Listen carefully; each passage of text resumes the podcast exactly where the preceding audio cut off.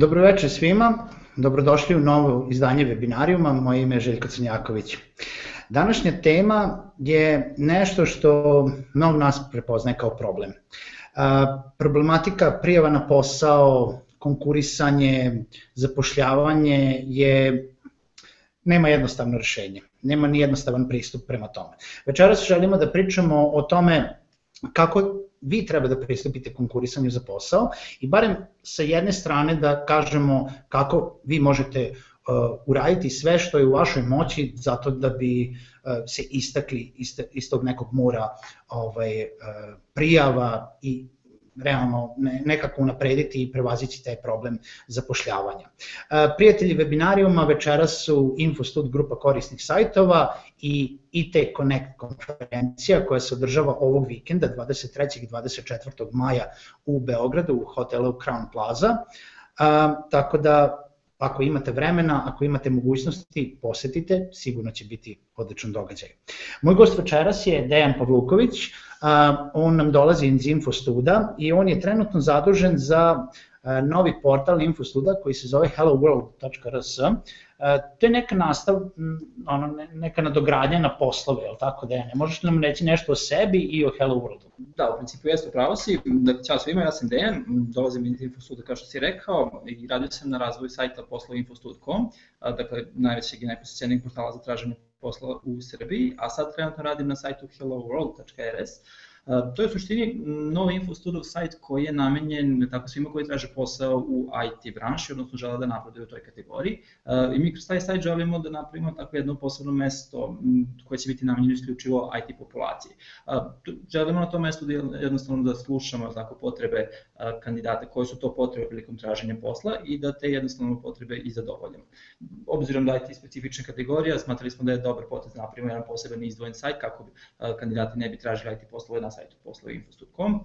A što se tiče samog sajta, na sajtu možete pronaći uh, informacije o kompanijama koje raspisuju oglas u IT kategoriji, uh, veliki broj oglasa, najave nekih dešavanja, uh, i to otprilike to što si pomenuo IT Connect, Hello World će takođe biti tamo na sajmu IT Connect, tako da ako zaista posetite taj sajam, uh, pozivam vas da posetite i naš štand.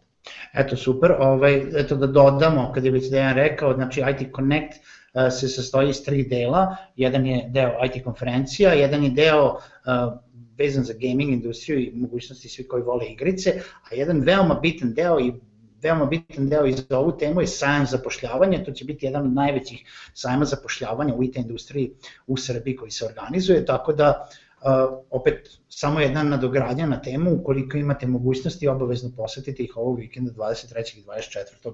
maja u hotelu Crown Plaza u Beogradu. Ajmo da pređemo na, na večerašnju temu.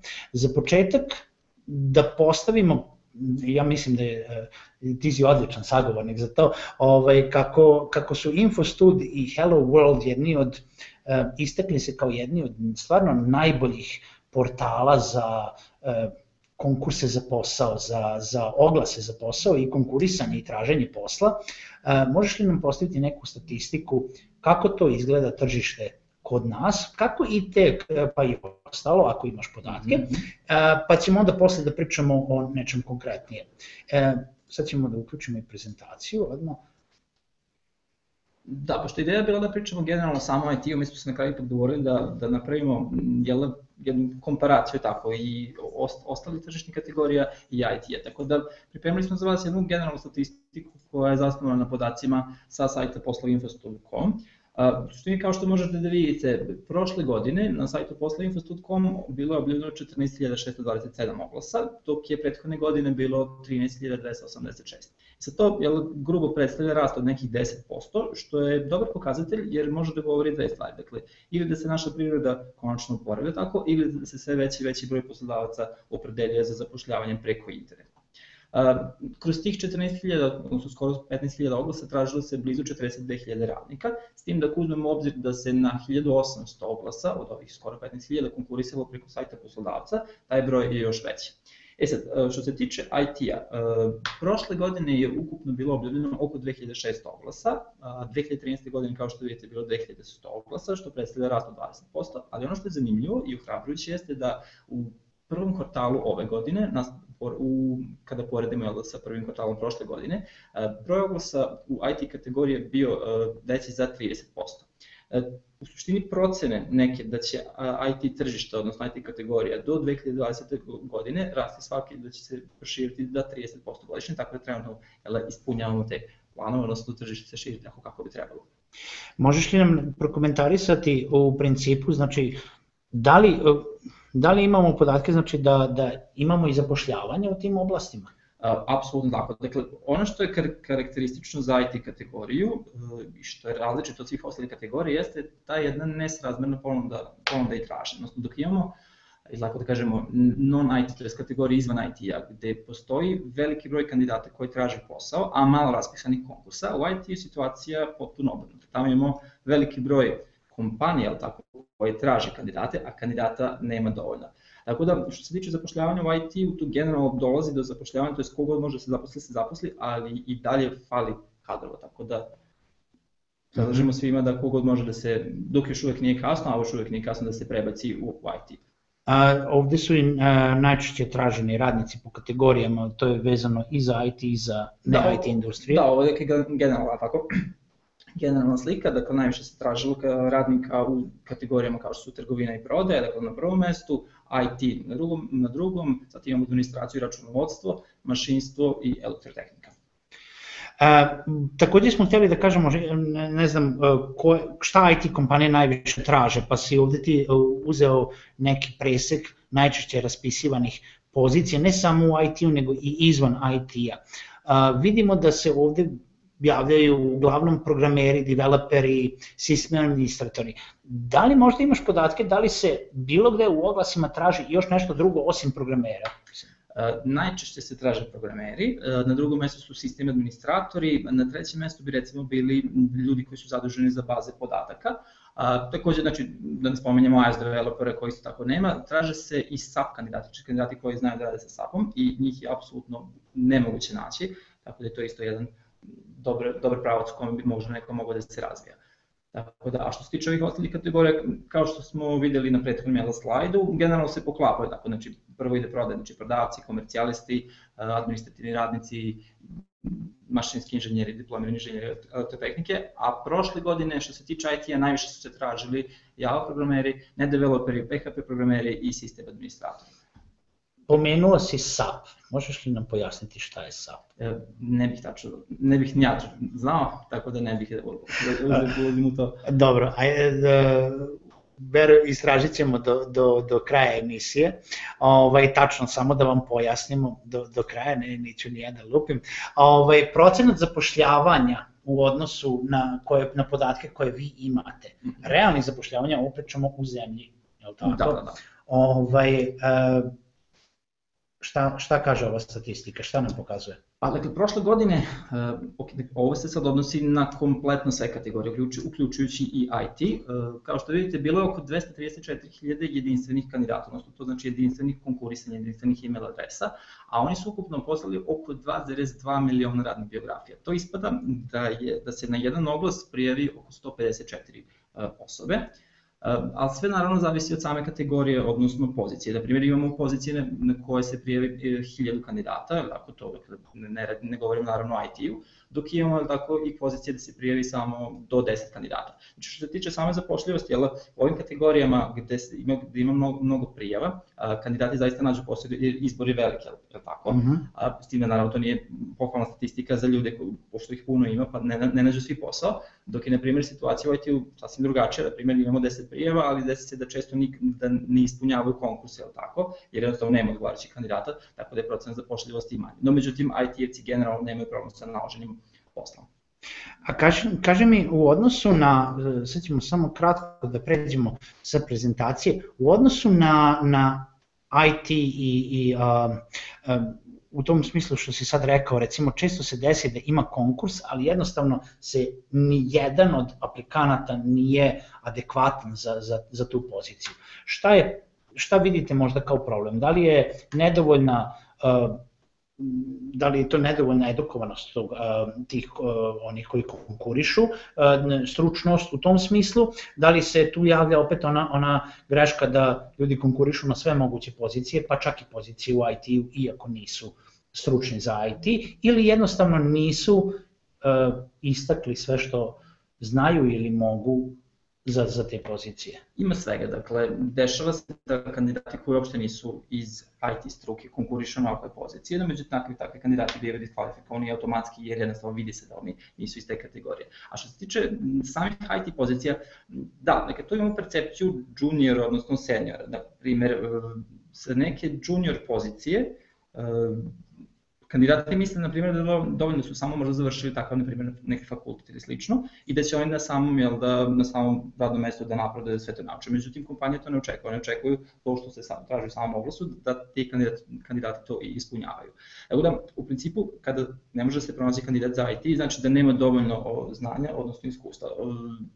Ali ima veliki potencijal, tako, pošto, se, pošto je znanje javno dostupno, može se lako naučiti tako bilo šta danas na internetu, može da se napredi u tom pravcu i da se na kraju uspešno konkuriše na takvu poziciju.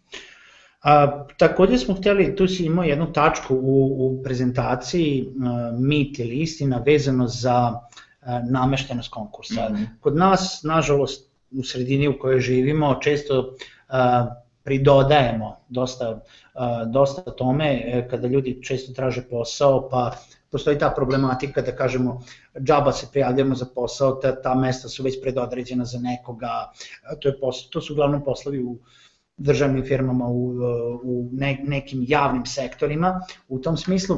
E, možemo da kažemo da situacija u IT-u barem nije takva. Da, IT je jedna jela, kategorija gde ovako nešto apsolutno nije izraženo.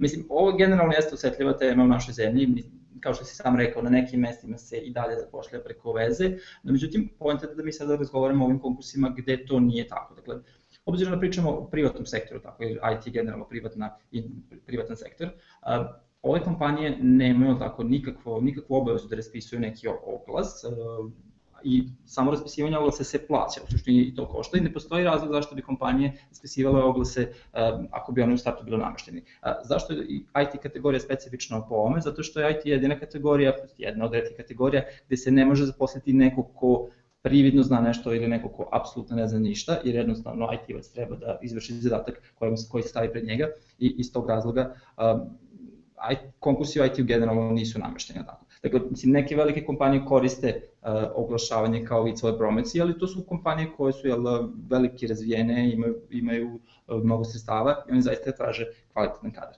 Dakle, IT, farmacija, mašinstvo, elektrotehnika su jedna od, od tih kategorija gde ovako nešto uh, nije zastupljeno zato što je tu znanje nešto što se, što se ceni. A vra, imaš, imamo sigurno negde, posle ćemo takođe da pominjemo, ali sad se pomenuo znanje nešto što se traži. U IT-u posebno, mm -hmm. a, možemo da se osvrnemo na ostale poslove. Koliko je bitno znanje naspram, naspram stručne spreme? U IT-u. IT je jedna od kategorija koja, ako je, ne možda kažem da je ekstrem, ali generalno u IT-u nije to formalno obrazovanje ono što, je, što prednjeće, ono što je najbitnije. Uh, naravno, u svim konkursima u IT-u se uglavnom traži neki fakultet koji je vezan za računarstvo, za, za elektrotehniku i slično, međutim, uh, traži se ili relevantno iskustvo. Tako da često se dešava slučaj da imamo ljude koji zaista nemaju završene fakultete iz IT-a, ali su samo uki, krenuli su sami da uče uh, da li neki programski jezik ili neku drugu tehnologiju i to su savršeno i sjajno savladali i sada mogu da konkurišu. Dakle, IT je kategorija gde radno iskustvo i znanje može da nadjača potrebu za propisanim jel, da, radom, stručnom spremom. Da, da. -huh. Tako da, Ajde da, da se vratimo na priču šta možemo, e, šta mogu naši gledaoci da urade kako bi nekako sebe izdvojili. Mhm. Pa evo, nešto, neki par saveta koje si ti izdvojio, koje treba biti svestan pre početka traženja posla. Da, dakle, Kao što vidite, treba biti svestan situacije na tržištu. Dakle, čini mi se da je ministar Vulin izjavio da je stopa nezaposlenosti oko 17%, a da neke evropske agencije kažu da je oko 21,5%. Treba biti svestan takve situacije da je nezaposlenost velika, ali tako treba se naružiti strpljenjem, postoji veliki broj ovaj, nezaposlenih ljudi, a malo raspisanih oglasa. I treba da shvatite gde se vi kao kandidat nalazite u tom moru kandidata. Dakle, prije vi ste možda završili fakultet random, mislim, svi se sećamo, jel, koji je završio fakultet, kako smo mi bili, jel, da puni lana, sad ćemo to sjajno, puni sebe, možemo sve, ali na kraju nam je tržište pokazalo da se spustimo na zemlju jer situacija nije bila takva. A, možda ste, da primjer, isfrustriran kandidat, nažalost, pošto dugo vremena nemate posao, ne možete da ga pronađete, pa ćete imati malo drugačiji pristup, imaćete taj jel, negativan pristup traženju posla. A, treba da budete uvek svesni da postoji uvek neko ko je ne kažem loši, ili tako, kandidat od vas, ali možda ima manje znanja i iskustva i slično, ali uvek ima i boljih od vas. Isto tako, na primjer, internetizacija. Dakle, internetizacija populacije povećava konkurenciju. Što uh, više ljudi koristi internet, uh, to je, to je jel, veći je opseg kandidata u koji u igri samo za traženje posla. Dakle, ovo nemojte shvatiti pogrešno, ali primjer, možda neki kandidati koji su radili 10 godina imaju super iskustvo na razno raznim pozicijama, su tek sad počeli da traže posao preko interneta, oni su dalje kvalitetni kandidati. To su vrlo kvalitetni kandidati koji svima nama predstavljaju konkurenciju. Dok, na primjer, postoje oni ljudi koji su tek sada počeli da koriste računare i sigurno da će imati probleme da napišu CV, oni tako nemaju, nemaju toliko veliku šansu naspram ovih. Isto tako da treba biti svestan da više nema doživotnih poslova, je tako, dakle konstantno se morate, konstantno morate biti spremni da se usavršavate i da budete spremni na to da ćete vi za nekoliko godina promeniti, jednostavno promeniti posao. I ono što je jako bitno jeste da, da ljudi pokušaju da promene percepciju, odnosno ne, ne treba da se šalje CV kao poslao sam CV pa ću vidjeti šta, šta će se desiti.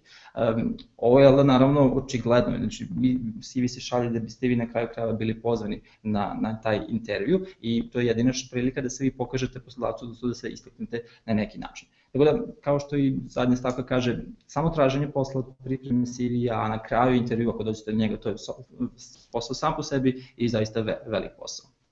Ja bih ovde dodao samo par stvari u smislu da baš da se osvrnem na to što si rekao, da to je more kandidata. Ne, da ne pričamo samo, jako je bitno i za webinarijum ovaj što, što imamo, da mi trenutno ne pričamo samo o poziciji uh, i kandidovanju na poslove u zemlji.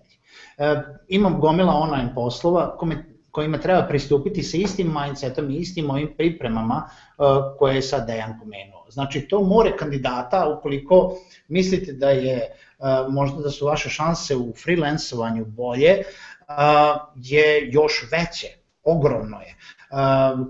Konkurencija je abstraktni broj u tom smislu. Što je vaše znanje šire, u, tom, u smislu da nemate usko stručno znanje vezano za samo jednu oblast, to je teže dobiti posao jer puno više ljudi traži ta neka opšta, e, recimo poslove unose podataka, da budem nekome e, sekretarica, da, da, da radim neki posao asistenta.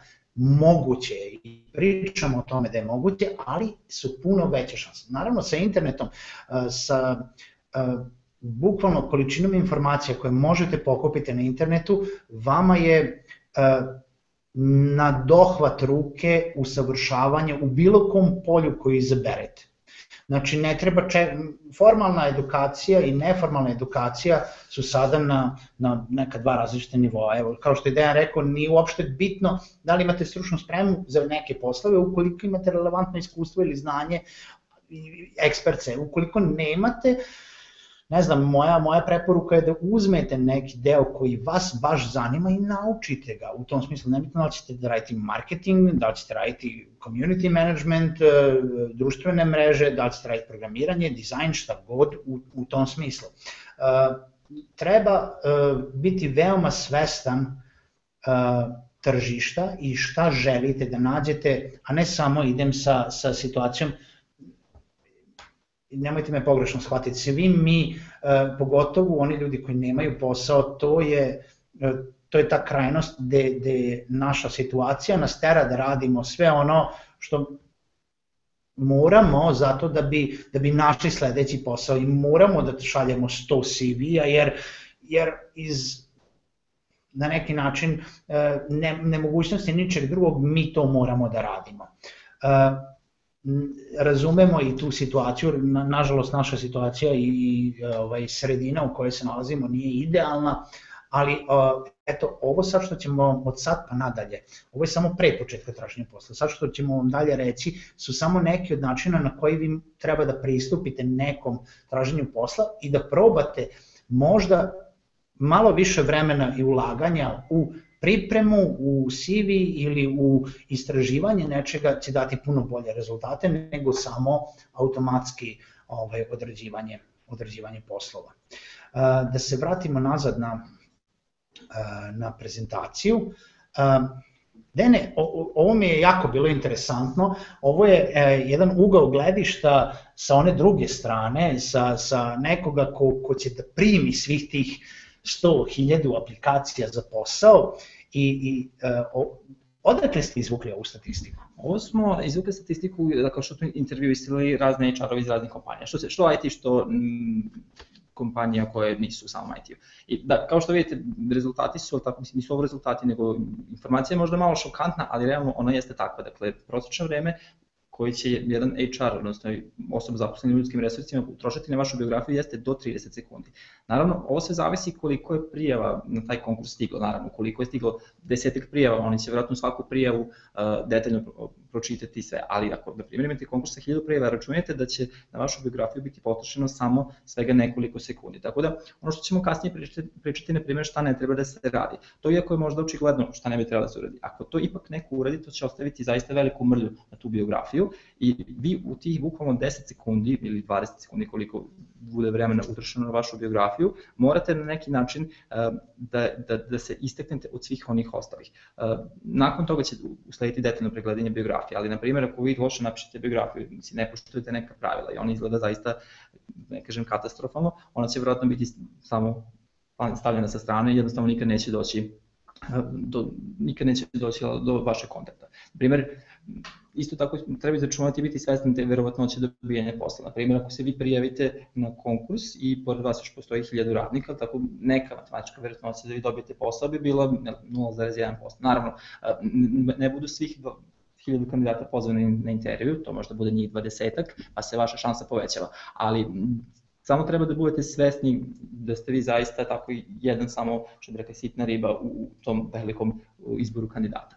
E sad, što se tiče samog IT-a, pošto ovdje imamo mnogo manje kandidata i, i kandidati često konkurišu u istoj kompaniji na različite pozicije, IT kompanije bukvalno znaju sve kandidate i obzirom da ih nema puno, one mogu mnogo više vremena da utroše na pregledanje biografije i na upoznavanje kandidata. Dok, na primjer, u nekim drugim kategorijama to nije tako. Dakle, uvek zapamtite da je CV vaš prvi kontakt sa poslodavcem, prvi i najčešće možda i jedini.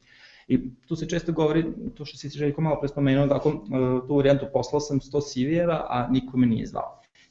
Možda samo primjer kada sam ja tražio posao, ja sam na 8 meseci tražio posao, ja sam za tih 8 meseci poslao četiri biografije, odnosno četiri prijeve, na dve sam ispunjavao uslove konkursa, na dve nisam. Na primjer, tamo gde sam ispunjavao uslove, tamo su me pozvali, na ove druge dve nisu. Tako da, ja isto postavljam pitanje, ako ste zaista, na primjer, za mesec, dva poslali 100 CV-a, da li ste vi zaista istražili te kompanije, da li, da li su to zaista konkursi koji vama odgovaraju? Dakle, kada se traži posao, morate biti, um, kada pogledate taj oglas, morate imati onaj osjećaj kao, e, ovo je upravo posao na kojem se ja pronalazim, a ne samo napisat ću biografiju, poslaću je, pa ćemo vidjeti šta će biti, jer tako najčešće neće biti ništa, a samo gradite sami sebi frustraciju i Znači tu smo već prešli na to šta bi mi trebalo da radimo, znači ne slati uh, automatski CV-e koje smo samo naštancovali, uh, uzeli adresar ili uzeli uh, sajt Hello World ili Infostuda, ne bi posla, uh, poslova i uzeli redom jedne druge i samo kazati nebitno da li se traži kuvarica, direktor, uh,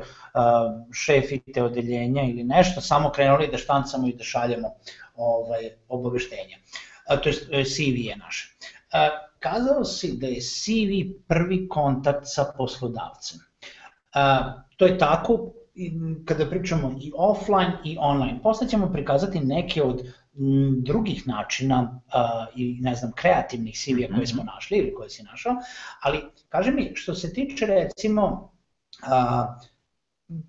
kakvi su odnosi, kakav CV treba da bude? Ka, e, šta je neki opšti prihvatljiv CV? Da li ljudi da uzmu neki template da koriste ili da, e, ne znam, koriste LinkedIn, e, u kojem isto možemo da kažemo par reči, ili na, na neki način da postave neki svoj CV online, ili kompanije daju neki oblik ovaj, koji je ono tipa formulara za popunjavanje mm -hmm. CV-a, šta bi po tebi bio jedan dobar izgled CV-a? I sad, ovo je da opština tematika i naravno svega ima u svetu zapošljavanja. Ovo što si na primjer spomenuo da neke kompanije traže da se popune njihovi formulari, to se radi iz toga zato što te kompanije imaju određene softvera, tako pa žele da svi podaci koji oni zaista traže od vas budu strukturirani. Znači to je jedan način konkurisanja. Što se tiče ovih CV-a, da li praviti sam CV ili već koristiti neki template, pa zavisi naravno od vašeg e, znanja rada na računaru, odnosno koliko vas ograničavaju programi da biste vi to možda radili.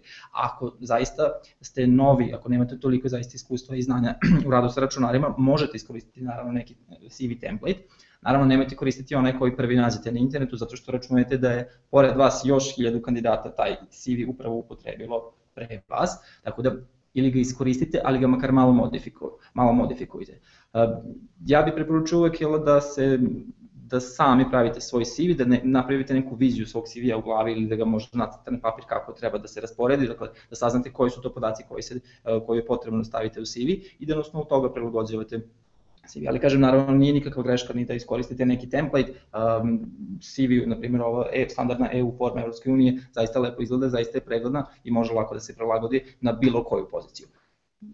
Pričat ćemo kasnije tako i o tim kreativnim načinima konkurisanja, na primjer koji koji mogu da koriste senior programeri ili neki web dizajneri, tako da vidjet ćemo i neke primere. Ono, ono što, se, što se još vidi e, kroz ovu prezentaciju jeste da je veoma bitno istaći relevantne stvari za sam konkurs. Znači, ako se u konkursu traži PHP programer, da se baš istakne na prvo mesto da ste PHP programer. Ali samo kratko da se vratim pre toga na, uh, znači svaku kompaniju treba donekle da istražite. Kad kažemo istražite, ne mislimo u to da odete i pogledate, ono, da napravite dosije o toj kompaniji, možete, ali ne morate. Ovaj, do, u tvom ličnom mišljenju, do, do koje mere je neko normalno istraživanje kompanije ako ja hoću da se recimo kandidujem za posao u toj kompaniji. Sad naravno sve zavisi i u kompaniji u kojoj konkurišete. Na primjer, ako konkurišete u poziciju za neku malu kompaniju, nećete vi ni toliko možda podataka uspeti da pronađete, ali ako, na primjer, neku srednju ili poznatu kompaniju, ja bih zaista utrošio najmanje pola sata istraživanja na internetu, što je tako sajte kompanije, što njihovih društvenih mreža, što LinkedIn njihovih profila, odnosno da li bih se možda raspitao i kod, ako znam neko ko radi u toj kompaniji, Dakle, pojente treba se raspitati o toj kompaniji dovoljno da možete da prilagodite makar svoje propratno pismo, da ne bude jel, generalizovano, standardno, opšte ili neko nego da možete to što ste saznali kompaniji da povežete sa onim što vi možda možete toj kompaniji da ponudite. Dakle, bitno je saznati čime se ta kompanija, tako, čime se ta kompanija bavi, da vidite da li ta kompanija zaista odgovara s vama. Dakle, nikad ne treba jela, slati, um, kao što stoji baš na ovom slajdu koji ćemo pojasniti kasnije, da, na primjer, zainteresovan sam da radim u vašoj kompaniji. To, to već nekako delo generički i treba pristupiti baš kao što smo razgovarali, uh, personalizovano treba pristupiti svakoj aplikaciji za posao, odnosno dakle kad istražite tu kompaniju, uh, objasnite zbog čega vam se dopada ta kompanija, naravno nemojte lagati, nemojte svakoj kompaniji slatko reči, govoriti slatke reči, baš sam zainteresovan da radim vašoj kompaniji zbog toga, toga, toga, zaista nađite nešto što vam odgovara, ukoliko ste naravno mogućnosti, ovo je IT-u zaista moguće, zato ispominjamo tako, IT možda nije u nekim drugim kategorijama, i jednostavno sastavite neko motivacijono pismo, odnosno propratno pismo gde ćete vi uh, pokazati zaista to interesovanje, odnosno da, da, da ta kompanija, to je ta osoba koja čita taj CV, stekne utisak da ste vi zaista potrošili makar malo vremena da se upoznate sa tom kompanijom. To je često greška ljudi na, na samom intervju, budu pozvani na intervju i ispitivač ih pita nešto o samoj kompaniji, oni ne znaju. To zaista nije profesionalno, tako nešto morate uraditi. Tako da... I to ne znači da će vas pitati nešto ono tipa koliko kompanija sada trenutno ima zaposlenih sad, ili ono, koli, kada smo osnovani sa, ne, ali evo ja mogu prvi da kažem da sam bio u prilici da, da je ovaj, e, još dok sam radio u kompaniji koja se bavila PR-om, mala firma, tražili smo nekog dizajnera, nisi imali pojma šta radimo, kao, kao firma, ne, ne što je njihov posao, šta će treba da bude, nego ok, treba da se zaposliš u nekoj agenciji, firmi koja je ne velika, nema, ne moramo da, da pričamo o nekim poznatim kompanijama, ali valjda se očekuje da znaš ta, ta kompanija radi. Možda se bavi nečim što vi ne volite, što ne zastupate, što, što bit ćete protiv po, ovaj, ko, ciljeva kompanije na neki način. Uh, morate, morate da budete barem opšte informisani. A da upravo to, i, i čak i da možda nekako to zaobiđete jednostavno, da, da prođete taj intervju, a da se zaista vaše interesovanja i vaše uverenja ne poklapaju sa, na primer, politikom kompanije, vredostima kompanije koje ta kompanija neguje, a, vi ćete na kraju krajeva biti nezadovoljni na tom poslu. Ok, kažem, zavisno kako su ljudi situaciji oko traženja posla, ali, na primer ljudi u IT-u zaista mogu da biraju, tako pošto su kompanije u IT-u sasvim drugačije od ovih drugih, zato što uh, imaju sredstava, mogu da ponude sjajne uslove uh, ljudima koji traže posao i bukvalno će se boriti na svaki način da kandidatu ugode. Tako da, što se tiče IT-a, tamo je generalna situacija ok, ali za neke druge situacije zaista treba pronaći kompanija koja vam odgovara. Ja ću isto tako da kažem isto ovo što sada pričamo se, a opet pričamo i online poslovima, o freelance poslovima, odnosi se na to. Um, imate, znači, po, berzu poslova, Odesk ili sad trenutno Upwork, kako se zove, Elance, neko postavi oglas, nemojte napisati jednom, no, tipa jedan tekst koji ćete copy-pastovati na svaki posao. Istražite šta je taj posao. Ne, ok, ne morate istražiti kompaniju zašto bi vi hteli da radite tamo, jer bukvalno radite samo projekat za njih, ali dajte personalizovani odgovor na rešenje problema koje se traži u, u opisu posla. Znači, ako e, neko traži dizajnera, kažite relevantne stvari za dizajn vezano za problematiku koja je navedena u opisu posla. Svaki, većina poslova koji su ozbiljni, koji su i, i ole bolje plaćeni, osim toga da ja tražim sada nekoga da mi unosi ovaj uh, tekst u, negde, i da kažem da se to plaća dolar na sat, uh, znači zahteva opis posla. Vi ćete konkretno da kroz malo samo potrošenog vremena Znači, napišete jedan personalizovani tekst koji ćete reći, jeste, ja mislim da bi problem mogao rešiti na ovakav i ovakav način sa pristupom takvim i takvim i to bi bilo neko moje rešenje. Ukoliko odlučite da me unemite s time, niste naravno dali samo rešenje problema. Uh, ajde da pričamo o tome koje su neke najčešće greške, ja ću se ovde, uh, uh, ovde ima nekih standardnih koje, koje treba da obratite šta ne treba da radite u CV-u, uh, pa znači ne treba da da koristite email adrese koje su neozbiljne. da, upravo tako. Mislim, ovo, su, ovo je nešto što se generalno tako zna, ali i dalje se radi, dakle, prijave koje dobijemo što na, preko sajta Hello World, što na, preko sajta poslovi, zaista i dalje sadržao um, konkurišu kandidati sa ovakvim, na primjer, ovo su bukvalno pravi primjeri iz pravog života. Uh, ovakav email će biti shvaćen jel tako kao neozbiljno, što je apsolutno tačno. Tačno, kao što si rekao, Željko malo pre, znači, nikada ne treba slati generički CV ili propratno pismo. Dakle, za svaki konkurs je potrebno jel tako, da, da prilagodite taj CV tom poslu, dakle da povežete svoje interesovanje, svoje znanja sa onim što se u samom konkursu ovo je tražilo. Dakle, nikada je tako ne treba lagati u CV-u. Mislim, možda možete do nekog procenta, mislim, ovo, ovo nije preporučivo da radite, naravno, ali ako vi znate, poznate neki program ili ga možda možete savladati u roku nedelju dve, to je okej okay da napišete zato što vi zaista možete to da, da savladate, ali koliko, na primjer, uh, ste čuli za neki program, apsolutno ne znate za čega služi, zaista nemojte navoditi takve stvari. E, to je upravo, ne, ne nabrajate stvari koje ne znate da radite. Isto tako, jako velika greška ako pišete sve velikim slovima. Zaista CV čini nepreglednim i mislim, pročitat će taj CV HR-ovi, ali zaista će, u startu će biti lako diskreditovan na neki način. Nemojte da vičate! Da, e, baš to, baš to, u digitalnom svetu. Ili gramatičke greške, ili na primjer kad napišete ja sam iz Cacka, niste iz Cacka nego ste iz Čačka. E, generalno, ovo se možda, neke od ovih stvari sa IT-evcima može, mogu uprostiti, jel tako, zato što od IT, od IT ljudi se smatra da, mislim, oni svako ko znaju tako kratko da promene, znaju da koriste naše slovo i slično, jednostavno možda, možda ih ne koriste. Ali u, u nekim drugim kategorijama, ako vi zaista konkurišete neku drugačiju poziciju i ne, ne koristite naša slova, to samo znači da i prilikom komunikacije rade na računaru vidite stvari ne radite. Dakle, Ono što je jako bitno, na primjer, ne, ne treba konkurisati odmah nakon što se oglas pojavi na sajtu.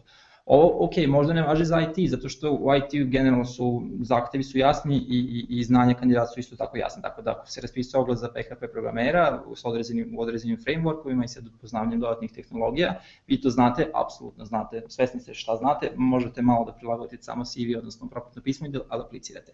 Ali ako to radite na ostale pozicije, konkurišete odmah nakon to je baš to što smo pričali malo pre.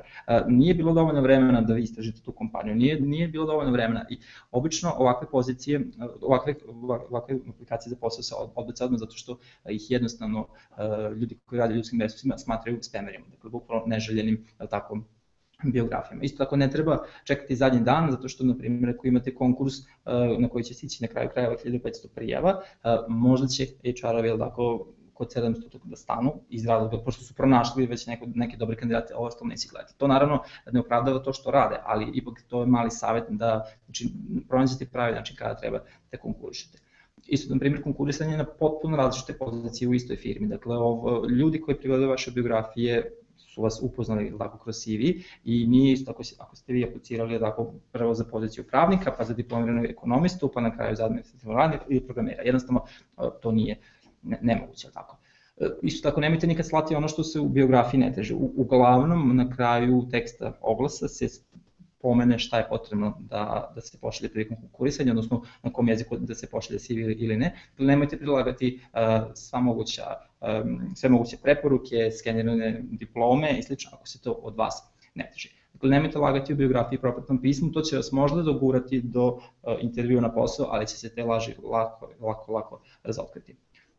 Mm, odlično, ja bih ovde veoma, veoma dodao da ukoliko, a nebitno više, da stavio sam da kažem ukoliko konkurišete online, ali to više nije tako. Vidite ovako, u moj savjet svima, a Dejan, ja verujem da se slaže sa mnom, jeste da mi svi šaljemo CV-e ukoliko želimo da nađemo posao. Svi apliciramo na posao. Novi CV današnjeg vremena je Google. U smislu da nebitno od toga što vi pošaljete CV vašem potencijalnom poslodavcu, niko neće razmotriti vas za bilo kakvu ozbiljnu poziciju, a da ne pogleda šta vi radite na internetu.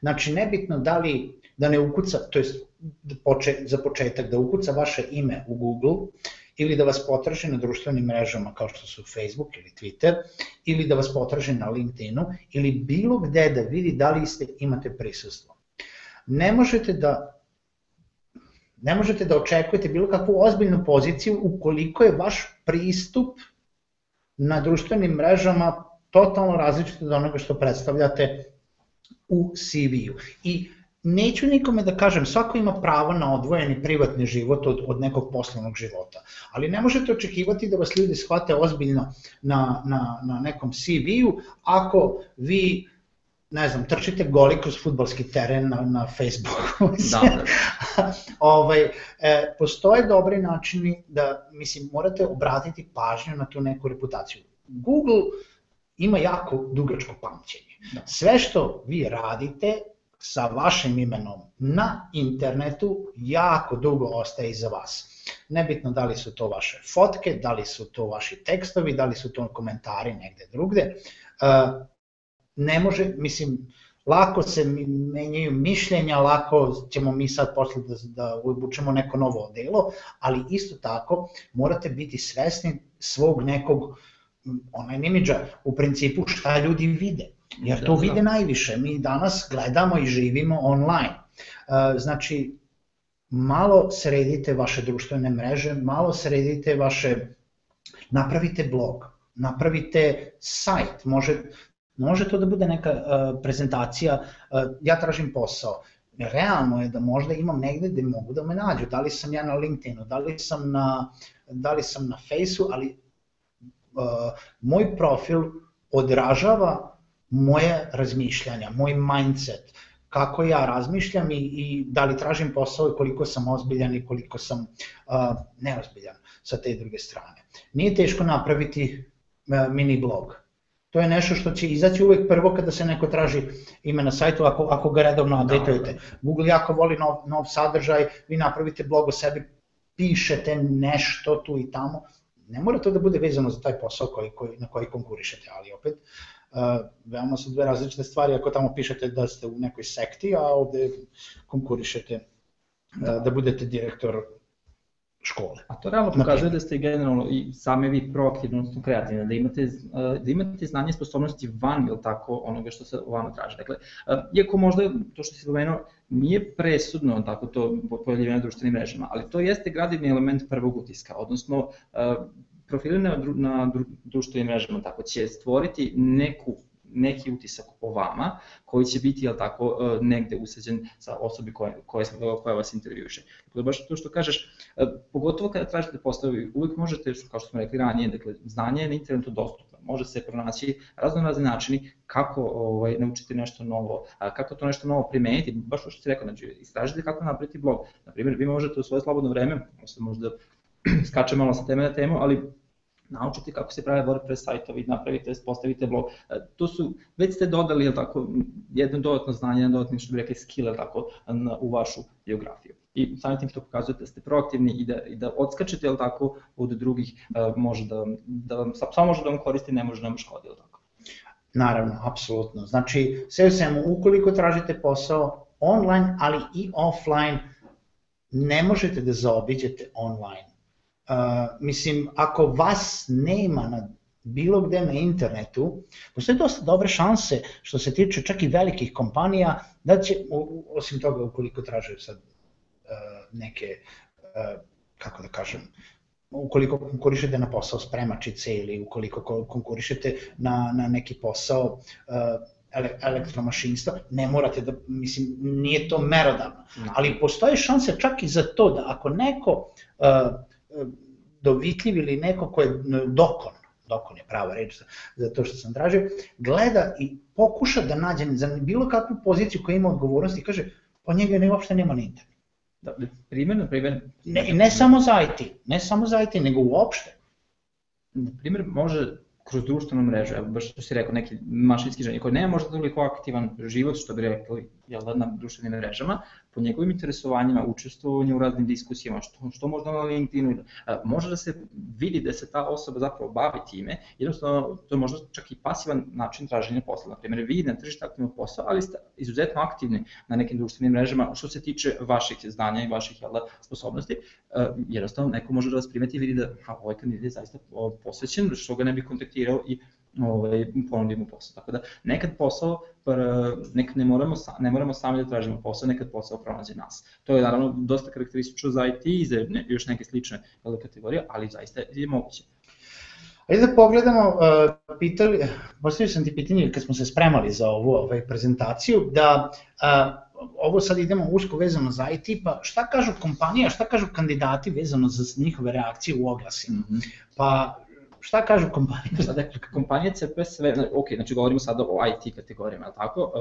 Kompanije crpe sve moguće izvore da bi došlo do kandidata. Dakle, um, u IT-u se posao pronalazi što preko preporuke, što preko LinkedIna, što preko ljudi koji headhuntuju kandidate, što preko oglasnika za poslove, odnosno sajtova kao što je, na primjer, Hello World.rs, ali ono što kompanije uvek govori jeste da nema dovoljno dobrih kandidata. Dakle, uvek postoji veći broj raspisanih konkursa nego što postoji uh, dobrih kandidata. Ok, mislim, prognoze mogu da bude ok, zato što imamo veliki broj uh, početnika, tako junior, junior programera, odnosno junior kandidata, koji će za nekoliko godina postati um, ili srednji, srednji, odnosno intermediate, ili će postati senior kandidata. Tako da na neki duži rok to će verovatno se sve namećati i biti ok, ali trenutno je situacija tako kakva je. Dakle, izvini sam, kažu isto tako da, da ljudi konkurišu na pogrešne pozicije. Dakle, šta to znači? To je baš bukvalno bio primjer jedne kompanije koje smo imali. Uh, junior programer i konkurisao za poziciju neku, neku senior management poziciju, da otprilike tako nešto. E sad, to je možda iz nekog aspekta, ok, čovjek je radio, na primjer, dve godine na određenoj poziciji, dosta moju da programer žele da se oproba u tom svetu. To je ok, ali taj kandidat je mogao pronaći posao sa tim iskustvom i znanjem koji imao na barem 5, 6 ili 7 ove oblasti. Isto tako se žale da od svih tih prijava, svih tih prijava koji dobiju da oko 40, 40% ne ispunjava uslov. Dakle, to jesu IT-evci, ali nemaju dovoljno znanja ili, na primjer, pokazuju neku želju da, da, bi, da bi možda bili spremni da uče, ali to ipak nije dovoljno. A što se tiče kandidata, misli da mi pitaš nešto ili... Aha. E, kandidate realno se ne žele na IT kompanije. Ok, znači svi znamo, IT kompanije su nestandardne kompanije naspram ovih svih ostali, tako znači imaju dovoljno sredstava, mogu da ponude sjajne uslove uh, svojim zaposlenima, bukvalno nadmeću se koja će bolje uslove da, da ponudi svojim kandidatima. Tako da, e, što se tiče takvih žalbi, nema. Znači, nema puno njih koje je, tako, je napustilo kompaniju zato što su uslovi loši. A čak i da postoje takve kompanije, takve kompanije se brzo pročuju i zaista onda imaju problem sa pronalaženjem radnika.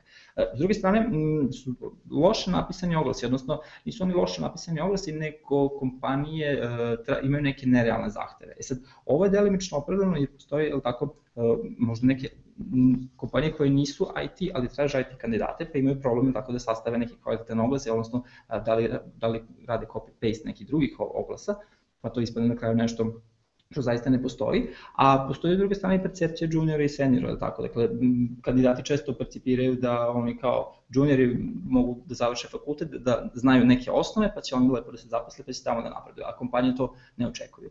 Isto tako, ono što su pohvalili kandidati u IT jeste da Ovo generalno jeste problem u sferi zapošljavanja. Dakle, kompanije u IT-u imaju dobar odnos sa kandidatima, odnosno uvek obaveste kandidate u ishodu konkursa i slično, a to je jedan veliki, veliki problem u svim ostalim kategorijama. Ne samo offline, nego i online. Upravo. Znači, kada se kandidate za neki posao, uh, imate jako, uh, u, kao, kao kandidati, imate uvek percepciju da nemate dovoljno dobru komunikaciju sa onima koji, koji su postavili oglas. Evo na brzinu samo da pogledamo, uh, evo na primjer jedno loše napisano oglas što se tiče recimo nekoga ko je, uh, ko je postavio oglas u, u IT-u. Da, traže web developer, ali tako, mislim, ok, ovo je strani oglas, ali uzeti, uzeti kao primjer u suštini, dakle, vidi se da je plata 12 dolara na sat, to takvu satnicu dobijaju mnogo, mnogo niže pozicije u suštini.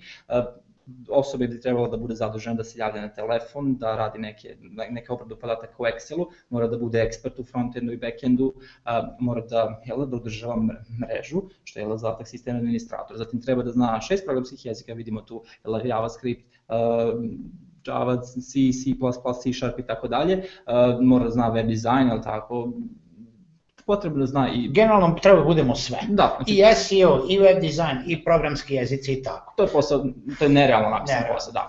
Ajde da pogledamo neki ovaj uh, biografiju nekog našeg kandidata za, za IT posao. Da.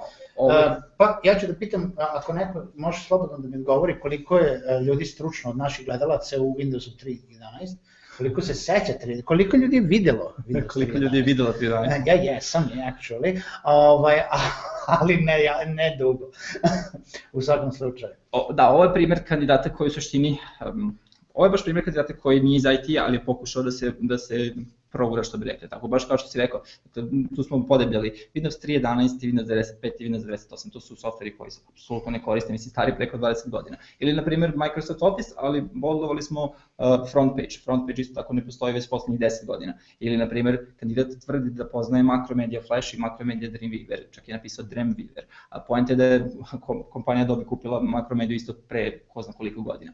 A najzanimljivije što je ova pozicija uh, bila raspisana za PHP programera. Dakle, kandidat kandidat jeste naveo da zna PHP, ali pogledajte gde ga je naveo, negde skroz, skroz, skroz, skroz dole, a bukvalno ako ste vi zaista PHP programer, nećete spominjati da znate Microsoft Office i da znate Microsoft Windows, to, to se podrazume. Ako znate da programirate, znate mnogo, mnogo, mnogo više, tako da bi ipak možda trebalo to istaći na prvo mesto.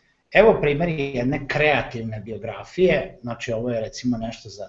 Ovo ćemo samo da pretrčimo da. jer imamo još nekoliko stvari da kažemo, inače svi koji žele da nam postavljaju pitanje, slobodno počnite da postavljate, naš chat administrator će nam e, sve ostaviti, e, redom ćemo odgovarati kako postavljate. Ovo je recimo jedna primer jedne, jedne veoma, veoma interesantne jednog CV-a generalno za grafičkog dizajnera. Isto tako, nekoga, ovo je actually web design, je li tako? Ovo je, ovo je HTML stranica koja je napravljena sama od sebe zato da bi bio jedna prezentacija ovaj, e, osobe koju je pravila. Da, ono ovdje upravo ne, znači ne mora da piše koji program pozna, mislim, e, šta zna da, e, upravo se dokazao da zna da napravi ili tako stranicu, što bi rekli u HTML, odnosno da izdizajnira nešto da, da nacrta. Tako da, ovo je jedan od kreativnih načina konkurisanja. On je moguć u IT, dakle uvek treba proceniti ovako na koju poziciju možete, na koji način da aplicirate.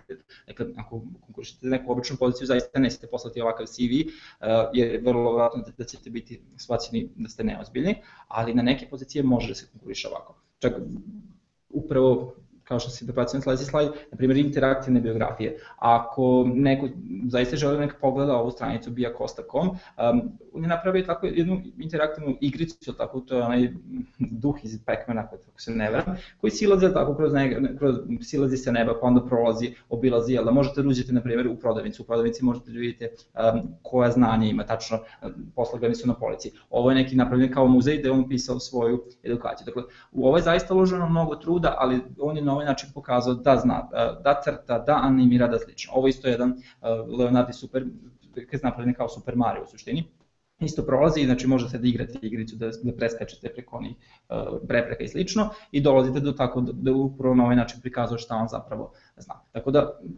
u nekim kategorijama, na primjer kao što vidite, možete da koristite ovakve stvari, dakle možete da pravite igrice, možete da pravite flash animacije, da napravite portfolio, da napravite možda single web page layout, odnosno kao što ćete napravite website o sebi na kom ćete pokazati naravno šta vi imate. Naravno, nije poenta napraviti samo da bi nešto napravio, um, to treba da zaista i liče nešto, odnosno da bude konkurentno sa ostalim što se trenutno dešava na tržištu. Jeste, a, i e, generalno zaključak i pored ovoga svega što smo videli sad na kraju ovih kreativnih biografija, e, jeste to da treba da pokažete na neki način vaše sposobnosti. Um, ja, ja ću da kažem kao neko ko je, ko je zapošljavao, imao prilike da zapošljava ljude u online poslovima, znači um, radimo za online firmu kao preko Udeska ili Elensa i imam priliku da zapošljavam, na primjer, animatore. Uh, shodno konkurenciji koja se javlja kada, kada gledamo freelance poslove, nije bitno šta ste vi završili. Bitno je da znate da radite. Bitno je vaš nivo sposobnosti izvršenja tog zadatka koji se traži u tom opisu posla. To je za neke online poslove. Ja znam da to zvuči surovo, jer u smislu svako ko zapošljava online ima tu mogućnost, ima toliko kandidata, ima to, to je more, to je ceo svet. Ja mogu da kažem, meni treba neko ko zna šta radi. Sa druge strane, ako gledamo neku lokalnu scenu, ja tražim posao lokalno u gradu, možda to može treba da bude ne mora da bude neka pozicija sa ne znam kako odgovornost ili treba da se zna nek, neki uh, skill na, na uh, nivou 10, to mhm. može da bude neka junior pozicija, ovaj, da, da ćete vi biti primljeni u neku firmu i firma će vas oblikovati shodno tome šta su potrebe firme i tako dalje. Uh, takođe, hteo sam kratko da, da pitam i tebe za tvoje mišljenje. Uh, pa ću onda da kažem svoje. Znači šta misliš o, o apliciranju na poslove firmi koji nemaju uh, konkurs raspisan? Aha.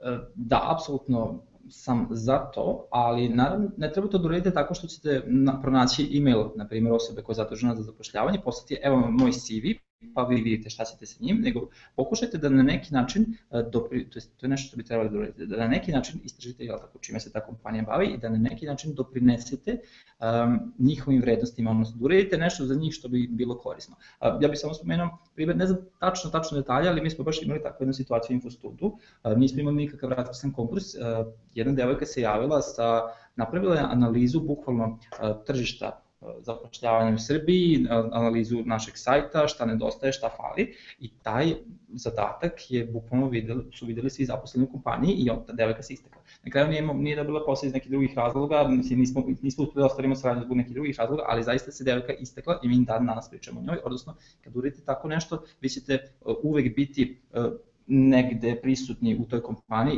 i za nešto će moći da vam pronađu, tako, na moći da vam pronađe poziciju na kojoj možete da... Ja, ja ću da dopunim ovu priču, nećemo tačno da kažemo čemu se radi, više su bili tehnički razlozi u pitanju zapošljavanja, ali devojka je stvarno mogla da dobije realno posao u Infostudu, da su se, da su se poklopile sve kockice.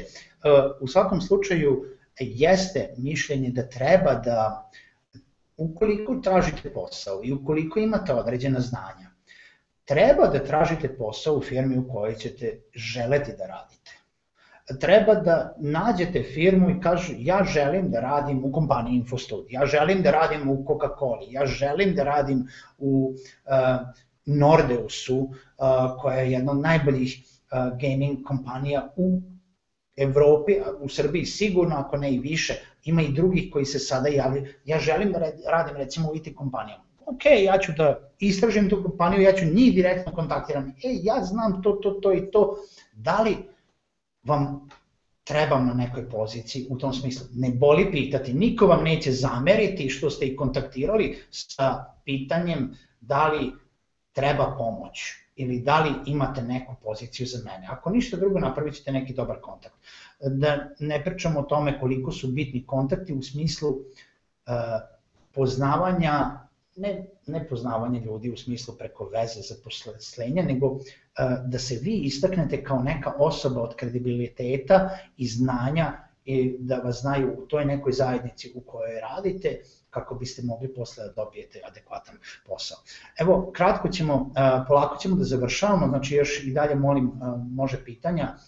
Ovaj, zaključak svega, Dejana, ćeš ti da prođeš? Može, može, u principu, mm, ovo nije ništa sad nešto posebno što ću da vam kažem, ali da, pojente da shvatite da vas pošto smo pričali o pisanju CV-a, kako, koliko je bitan da vas CV neće zaposliti sam po sebi. Dakle, tek kako se vi pokažete na intervju, ali zato ako zaista uradite nešto da vaš CV zablista i da se iskaže, znači, pojente da mm, Poenta da, znači ne morate biti najbolji tako što se tiče tog CV-a, ali da budete dovoljno dobri da biste bili pozvani na intervju. A vi ćete se tek na intervju pokazati zaista onako kako jeste. Intervju je posebna priča, ali tako, to treba posebno da se pripremate i da bude, jel tako, da shvatite kao, kao da polažete, na primjer, poslednji ispit. Nešto što je zaista jako, jako bitno u životu, kao da nastupate pred 10.000 ljudi. Bukvalno treba se zaista dobro pripremiti. Dakle, primeniti koncept zainteresuju poslodavca, to je baš ovo što smo Željko ja malo pre spomenuli. Dakle, na neki način pokušajte da zainteresujete poslodavca da se vi njemu učinite zanimljivim. Dakle, ja bih tu isto možda dodao što si rekao, ja bih lično, ako bih želao, na primjer, tako da kontaktiram neku kompaniju, pokušao bih da vidim gde ona gde radi loše, odnosno šta može da se unapredi, dao bi im takve predloge. Mislim, možda ću dobiti samo hvala te što si se javili, slično, ali ko zna, nikad se ne zna kao što si ti Željko malo pre rekao, dakle, povežite se sa relevantnim oblastima, osobama iz oblasti interesovanja preko LinkedIn, dakle, updateujte vaše uh, društvene profile, pogotovo LinkedIn, povezujte se sa ljudima uh, za koji mislite da će vam biti korisni, koji mogu biti korisni, jer nekad, nikad ne znate šta može da se desi. Naravno što se tiče pravljanja CV-a i samih ovih ideja, uvek budite kreativni, proaktivni, strpljivi, uporni, tako, i savjet je tako da, da probate da se prebacite u IT, jer generalno je u poslednjih godina, a i u budućnosti se očekuje turbulentno širenja IT tržišta i sigurno će doći do spajanja mnogih, jel, što bi rekli, analognih pozicija, odnosno koji se ne rade u, u, u digitalnom svetu, će se prebaciti jel, tako, u, u digitalni svet i tako da će biti, uh, bit će posla jel, tako, i u IT, ali neće biti direktno IT. Znači nećete morate da budete programer, ali ćete moći da radite za IT kompaniju na neki drugi način. I ono što je najbitnije, nikad ne odustajte, Puno sreće. Istina, istina. U svakom slučaju, ono što je sad Dejan rekao, znači prebacite se u IT, ima jako puno, jako puno pomaka u IT industriji, jako puno priče oko tehnoloških startupa, ta scena, cela, cela startup scena se zaukava na našim prostorima, iako je već uveliko uh, napredna kako u Americi, tako i u zapadnoj Evropi, kod nas tek dolazi, tako da nije loše da, da nađete nešto u čemu možete da se istaknete i da naučite nešto, da se usavršite u nečemu novom. Uh, ja bih želeo sve da vas pozovem da uh, popunite našu webinarijum anketu, uh, ona je sada ušla sa vaše leve strane, to je desne strane ekrana. Ovim putem mi želimo da pozovemo sve naše gledalce da nam pomognu da prvo saznamo nešto malo više o vama, drugo da, da nam pomognete da, da nam kažete šta to mi radimo dobro, šta radimo loše, kako da se unapredimo. Webinarijum ima još puno ideja i, i želimo da, da budemo sve bolji i bolji. E, tokom toga želimo da kažemo da tokom analize do sada određenih pitanja e, sva, svi odgovori su pokazali e, da, da je jedan od potrebnih elemenata upravo ovo što ćemo da najavimo danas, znači od večeras, najkasnije od sutra, e, će biti aktivan forum webinarium e, na adresi webinarium.rs kroz forum. E, forum, uh, iako nema klasičnu namenu, to jest nije nam želja da sad uh, ulazimo u forum koji će imati milion korisnika, želja nam je da okupimo zajednicu oko sličnih tema i da vam damo mogućnost da vi ostvarite konekciju između sebe, prateći neke od naših tema. Da li su to Facebook, da li je to online biznis, da li su to startupi, da li je to Twitter, da li je to uh, zapošljavanje putem interneta ili bilo šta drugo, moći ćete da postavljate pitanja, komentarišete, međusobno komunicirate, a mi ćemo se truditi da vam uz uh, pomoć naših gostiju koji su do sada gostovali omogućimo sve to da da vam damo neke konkretne odgovore na pitanje koje ne možete da odgovorite između sebe. Znači, Webinarium forum, čeka vas, bit će podeljen link ispod ovog videa od sutra na YouTube-u, a i bit će naravno na društvenim mrežama, pratite nas putem Facebooka, Twittera, ajte naravno Webinarium RS. Ono drugo što sam još hteo, evo, ja nadam da ste kliknuli na anketu, ali opet na anketu možete takođe naći i na našem Twitteru i na društvenoj mreži. Hteo sam da pomenem našu još jednu akciju koja je u toku. U toku je naša crowdfunding akcija od skupljanja sredstava. Mi smo odlučili da uh, unapredimo webinare, mi smo odlučili da vas pitamo sve za pomoć i da pitamo kako naše gledaoce, tako i svako ako želi da nam pomogne, da nam pomogne kroz akciju skupljanja sredstava. Želimo da unapredimo tehniku, da imate bolju sliku, da, da unapredimo malo sadržaj. Uh, tokom dve nedelje 20 ljudi nas je već podržalo i mnogo, mnogo se zahvaljujemo na, na svim prikupljenim sredstvima do sada. Neko može da pomisli da 9% nije puno, ali akcija traje još do početka jula, imamo još jako puno vremena do tada i svako malo puno znači. Sa druge strane, Uh, ono što nama jako isto znači jeste da imamo preko 700 poseta na, na našoj crowdfunding kampanji što su pomogli svi oni ljudi koji su pisali o nama, koji su podelili vest o crowdfundingu, tako da ukoliko i ne možete da uh, priložite ili učestvujete u kampanji, molimo vas samo da bar širite vez kroz društvene mreže ili da pišete o nama, puno će nam značiti, ima, ima mnogo uh, interesantnih opcija za nagrade i, i sponzorstva u, u koje smo spremili uh, kroz akciju, pa eto, ukoliko, ukoliko ste u mogućnosti, molimo vas i to da podržite. Ajde da pogledamo pitanja, da li su nam nešto pisali ljudi. Uh, Evo da, ja sam postavio pitanje na početku kao šta je SEP, da, da damo odmah i odgovor. SEP je software za management financija a, u accountingu, znači ukoliko, ukoliko nekoga interesuje da se usavrši u tome, znači ima interesa i za to. Dejane, možda bolj, najbolje pitanje za tebe.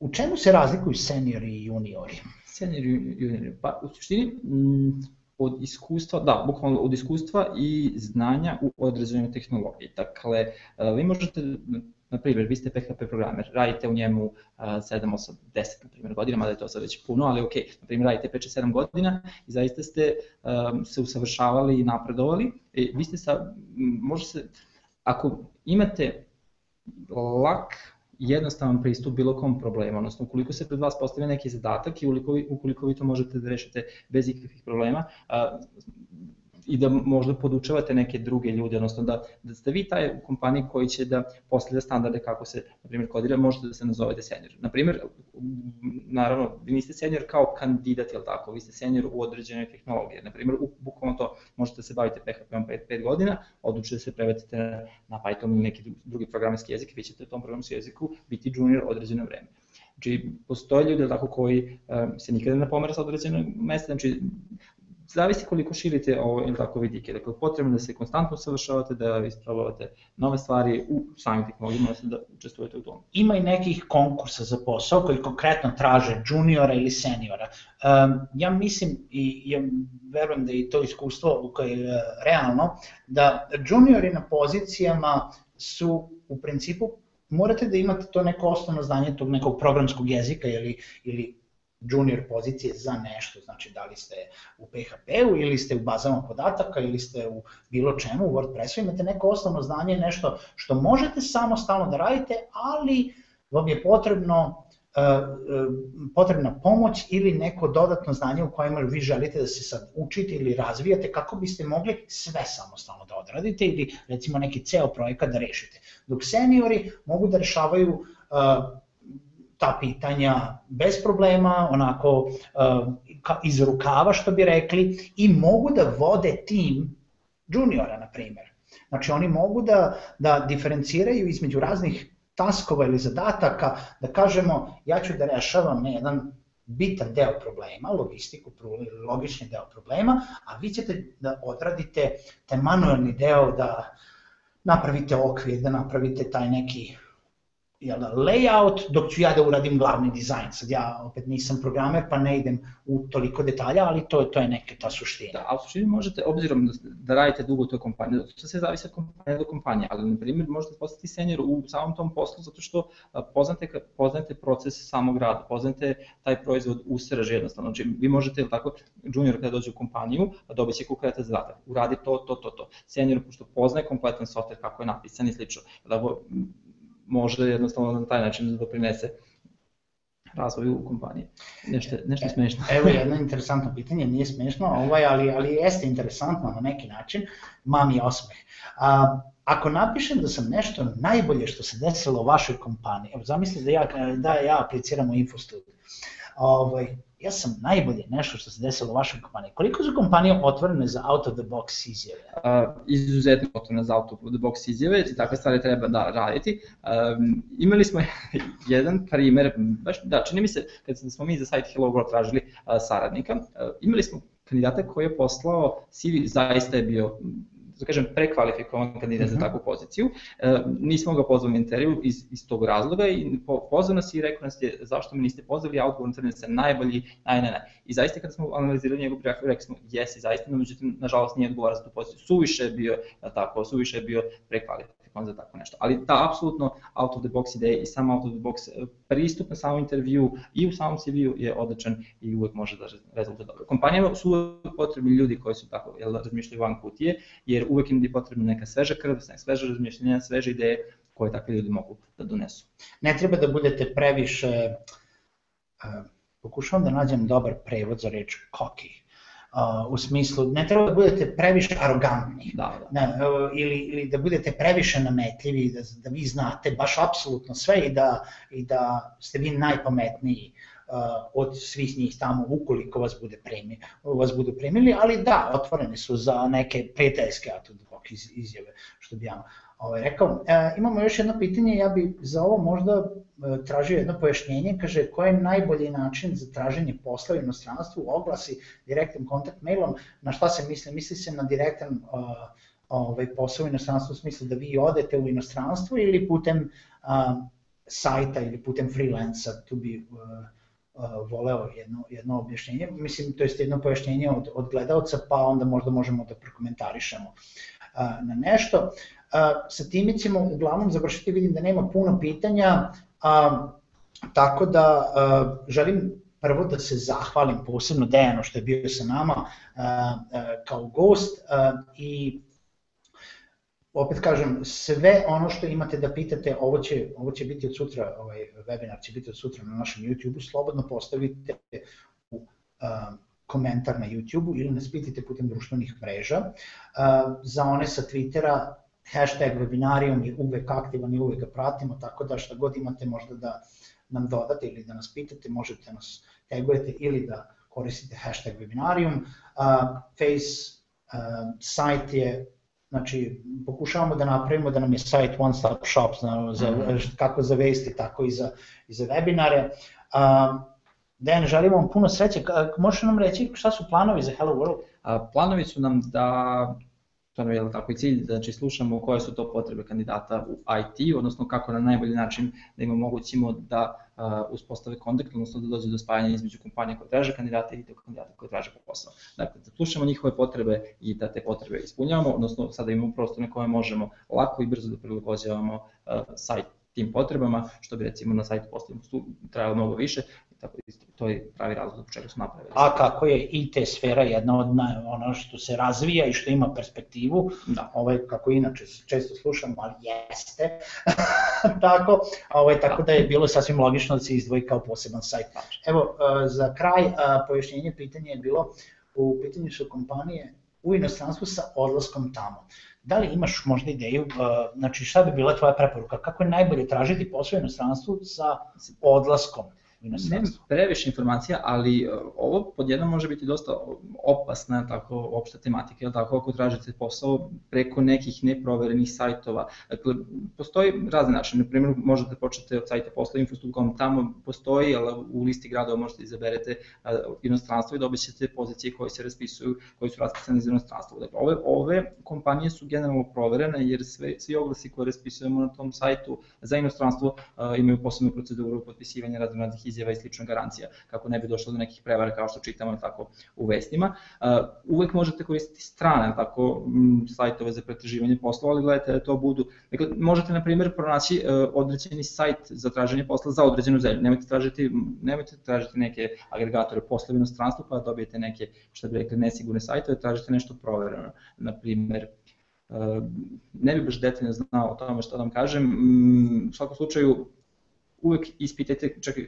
ako nađete neku radnu ponudu, obavezno uradite pretragu na internetu o toj kompaniji, o tom oglasu, jer dešavalo se, na primjer, da neka kompanija, to je neki hotel iz Londona postavi oglas i na kraju ako googlate taj hotel, odnosno taj posao, vidjet ćete da je to važno, da traže ljudi novac i slično. Tako da pažljivo pristupajte traženju posla u inostranstvu, a uvek da možete da kontaktirate mailom.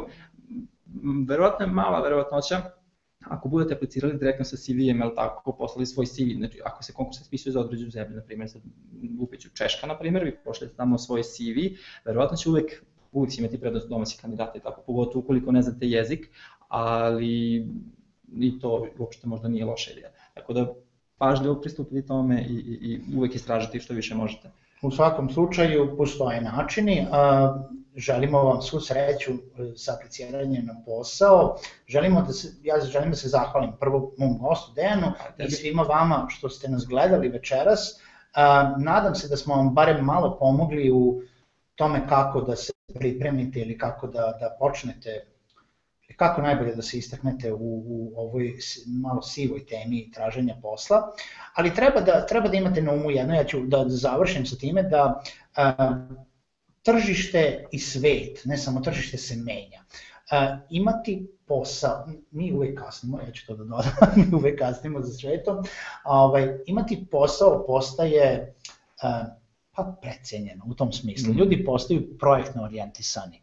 Uh, ići od posla do posla nije loša stvar. Više nije poenta zaposliti se u jednoj firmi i biti 25 godina ili 35 godina tamo i otići u penziju. Uh, na zapadu nije ništa čudno menjati posao svakih nekoliko godina, šta više preporučljivo je. Imati ići od projekta do projekta ili raditi sam neke projekte, pro, samostalno i razvijati neke mini poslove, mini preduzetništvo, ono što kažu serial entrepreneurs i serijski preduzetnici, nije loša stvar. Ne treba da se bojite neuspeha, ne treba da se bojite odbijanja, sve je to samo jedan način još za, za, za to da se unapredite, da budete bolji. Sa time bi ja završio ovaj webinar. Dene, još jedno hvala ti lepo. Hvala tebi sa svima vama. Vidimo se na sledećem webinarijumu. Laku noć, prijatno. Ćao.